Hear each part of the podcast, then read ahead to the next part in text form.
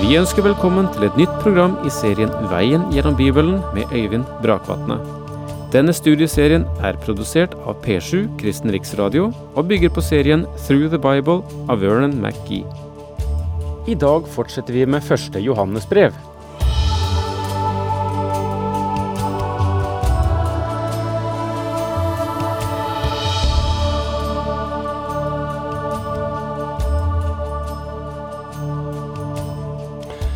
Velkommen tilbake til eh, det siste kapitlet i 1. Johannes brev. Og det er den tredje hoveddel av brevet. Og Johannes har formet sitt brev, eller sin epistel, rundt tre definisjoner av Gud. Den første delen omkring definisjonen Gud er lys den andre, Gud er kjærlighet, og her er den største substansen i brevet. Og den tredje hoveddel, at Gud er liv. Dette liv utvikler seg og kommer til sin rett gjennom tro. Vi befinner oss i det femte, om forlatelse det fjerde verset i det femte kapitlet, der det står slik. For alt som er født av Gud, seirer over verden, og det som har seiret over verden, er vår tro. Og jeg tillot meg å ta et eksempel på det fra Det gamle testamentet, der Israel er på vei inn i løftes land, og den første fiende de møter, det er Jeriko. Og vi husker alle sammen historien om Jerikos murer. Og jeg har ganske enkelt stilt spørsmålet hvordan falt Jerikos murer? Var det ved at Israel stormet dem med rambukker eh, og eh, med andre krigsredskaper og brøt dem ned, eller hva skjedde? Nei, saken er jo den at Israel kjempet ikke i hele tatt. De marsjerte rundt byen etter den ordre som ble gitt Josva av den usette høvdingen for Herrens hær. Og det var en ordre, sikkert, som på mange vis stred mot eh, Josvas militærstrategiske forståelse. Og jeg tror at Josva ville vært uenig i selve taktikken og ville valgt en annen taktikk om han hadde vært fri til det. Men det var han ikke. Han følte seg bundet, og med all rett. Han følte seg bundet av det Gud ville. Og den hendelsen som ligger bak den strategi som ble valgt eh, for inntagelsen, okkupasjonen av Jeriko, går tilbake igjen til Josva-bokens kapittel fem vers 13-15. Det vi møter i det tekstavsnittet, er at Josva ser en mann med et løftet sverd stå i utkanten av Israels leir. Og Josva gikk bort til mannen og sa, Er du for oss eller for våre fiender? Og det betyr egentlig, hva mener du med dette? Hvem ga deg ordre til å trekke et sverd? Josva trodde at det var han som hadde befalet. Men da mannen snudde seg og svarte, innså Josva at dette var en guddommelig utsending. Personlig tror jeg at dette ikke var noen annen enn den inkarnerte Kristus, det vil si Kristus før han kom i menneskeskikkelse. Da falt Josva på sitt ansikt og tilba ham. Så du forstår at selv før slaget om Jeriko hadde Josva lært at det var egentlig ikke han som hadde kommandoen. Hovedkvarteret lå egentlig ikke i hans telt, men i himmelen, der høvdingen for Herrens hær var, for det var slik han identifiserte seg selv, han som hadde ansvaret. Og slik står det i Josva 5,14. Jeg er høvdingen over Herrens hær. Nå er jeg kommet. Med andre ord sa Herren til Josva, dette slaget du nå skal utkjempe, er et åndelig slag så vel som et fysisk slag, og jeg er general. Så Josva vil nå ta sine ordre fra høvdingen for Herrens hær, og høvdingen sa, marsjer rundt byen. Og nå må jeg si at jeg ikke har vanskeligheter med å forstå Josva.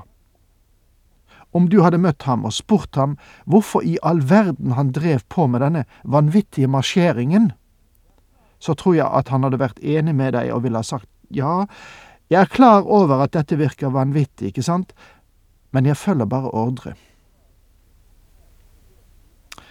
Om du noen gang har hatt erfaring med det militære, så vet du at en menig aldri protesterer mot sin kaptein eller oberst. Når kapteinen sier gå og gjør dette, så stanser ikke den menige soldaten og sier ja, jeg har tenkt over dette selv også, og jeg tror det er en bedre måte å gjøre det på. Ville en menig hatt en slik holdning overfor sin overordnede offiser? Nei, mine damer og herrer. Han sier ja, kaptein, det skal jeg gjøre.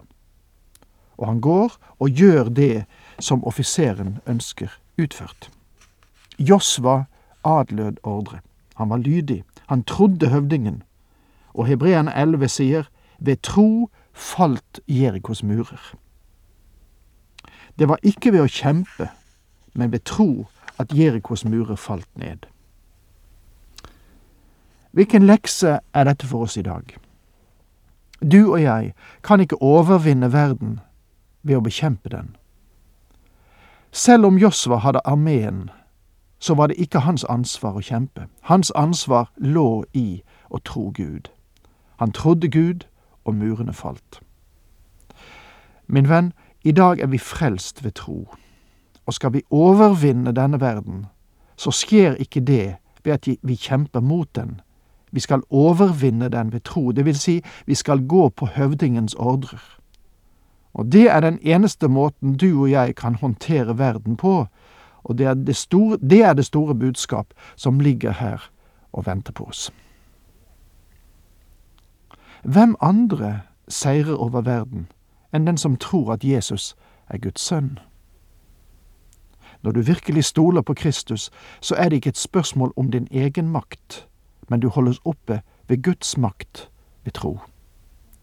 Vi har tro på Kristus når det gjelder vår frelse i fremtiden, og tro på Kristus når det gjelder vår frelse fra verden her og nå. Hvem andre kan seire over verden? Nå går eh, Johannes videre til spørsmålet om, om visshet om frelse. Og så sier han slik. Han er den som kom med vann og med blod Jesus Kristus, ikke bare med vannet, men med vannet og blodet, og Ånden selv er vitne, fordi Ånden er sannheten. Du husker at da den Herre Jesus døde, hadde Skriften sagt at ikke et ben skulle brytes på ham. For å fremskynde døden hendte det at de brøt bena på dem som ble korsfestet, men Johannes forteller dette i sitt evangelium. Da de kom til Jesus, så de at han alt var død og de brøt ikke hans ben. Men en av soldatene stakk ham i siden med et spyd, og straks kom det ut blod og vann. Og den som har sett det, han har vitnet om det, og hans vitnesbyrd er sant. Han vet at han taler sant, så også dere skal tro. Ja, disse ordene står i Johannes 19, vers 33 til 35. Johannes var til stede da Kristus ble korsfestet, og han la merke til noe som ingen annen synes å ha lagt merke til. Og det er vel sannsynlig at han sto nærmere korset enn noen av de andre apostlene. Han la merke til at da soldatene stakk spydet inn i Kristi side, så kom det ut blod og vann. Ikke bare ett element, men begge elementene. Og her i sin epistel tillemper Johannes dette. Han understreket det i sitt evangelium, og nå kommer han tilbake til det her og sier Han er den som kom med vann. Vann taler om hva? Det taler om Guds ord. Den Herre Jesus sa til Nikodemus, sannelig, sannelig, sier jeg deg, uten at du blir født av vann og ånd, kan du ikke komme inn i Guds rike. Vannet er det levende ord formidlet ved Guds ånd. Han er den som kom med vann, Guds ord som Guds ånd anvender, og blod henviser til Kristi død. Jesus Kristus, ikke bare med vannet, men med vannet og blodet. Og Ånden selv er vitne, fordi Ånden er sannheten. Det er Ånden som kan gjøre ting levende. For jeg kommer med et kanskje overraskende uttrykk. Den Herre Jesus fortalte sine disipler mellom sin død og sin oppstandelse frem mot pinsedag at de skulle vente i Jerusalem og ikke gjøre noe. De skulle ikke vitne. Hvorfor? Fordi at de ikke kunne vitne effektivt uten Den hellige ånd. Og derfor er det vesentlig for enhver av oss å være frelst ikke bare være klar over at Kristus døde for 1900 år siden, men også at Guds ånd virker i hjerte og liv. Jeg blir så oppmuntret av brev fra lyttere til denne programserien, som er et vitnesbyrd om at Guds ord, levende gjort ved Guds ånd, gjør Kristi forsoning nær og tilgjengelig for hjerte og liv. Kristus døde for våre synders skyld, men det er Guds ånd som må gjøre det levende for oss. Bare Guds ånd kan gjøre Kristi død til en virkelighet for deg, og bare Guds ånd kan gjøre Kristi oppstandelse til en realitet for deg. For det er tre som vitner. I tidligere oversettelser sto det at det var tre som vitner i himmelen. Det har antagelig vært en rabbinsk tilføyelse under en kopiering av et håndskrift. For Johannes henviser til det han allerede har skrevet om, og summerer det opp. Ånden og vannet og blodet. Og disse tre samstemmer. Hvilken samstemmighet er det disse tre vitnene har? Vel, de er enige når det gjelder én vesentlig hensikt, og det er hensikten med å presentere Jesus Kristus som frelser for verden. Han gav sitt blod på Golgata og betalte straffen for våre synder. Og disse tre bærer vitnesbyrd på jorden, og det gjør de nettopp nå. Den hellige ånd vil ta Guds ord og åpenbare det for våre hjerter. Han er et vitne, og hans vitnesbyrd er at du kan komme til en frelsende kunnskap om Jesus Kristus. Hvordan kommer du til denne kunnskap? Ved Guds ord. Du ser at Kristi blod frir oss fra syndens straff. Guds ord frir oss fra syndens forførelse i verden i dag. Kanskje du synes jeg harper om igjen og om igjen på dette punktet, men det er helt sentralt og viktig for meg. Guds ord er det eneste som kan rense opp i ditt liv, også som en troende. Og det er det eneste som vil holde ditt hjerte rent, og det er det viktig å vite. Vi lever i en tid som ofrer en hel del oppmerksomhet på hygiene, kanskje av og til for mye, og du blir innpodet at du må bruke det og det mirakelmiddel for at huden din eller klærne dine skal være på topp. Og dette er midler som vil rense alt.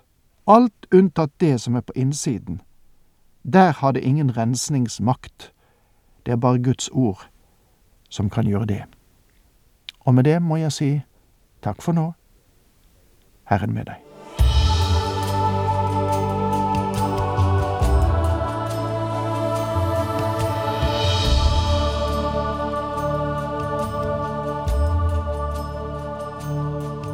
Du hørte Øyvind Brakvatne i studieserien Veien gjennom Bibelen.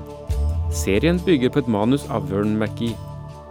Har du spørsmål eller kommentarer til programmet, kan du sende en e-post til vgb krøllalfa p7.no. Takk for i dag, og på gjenhør.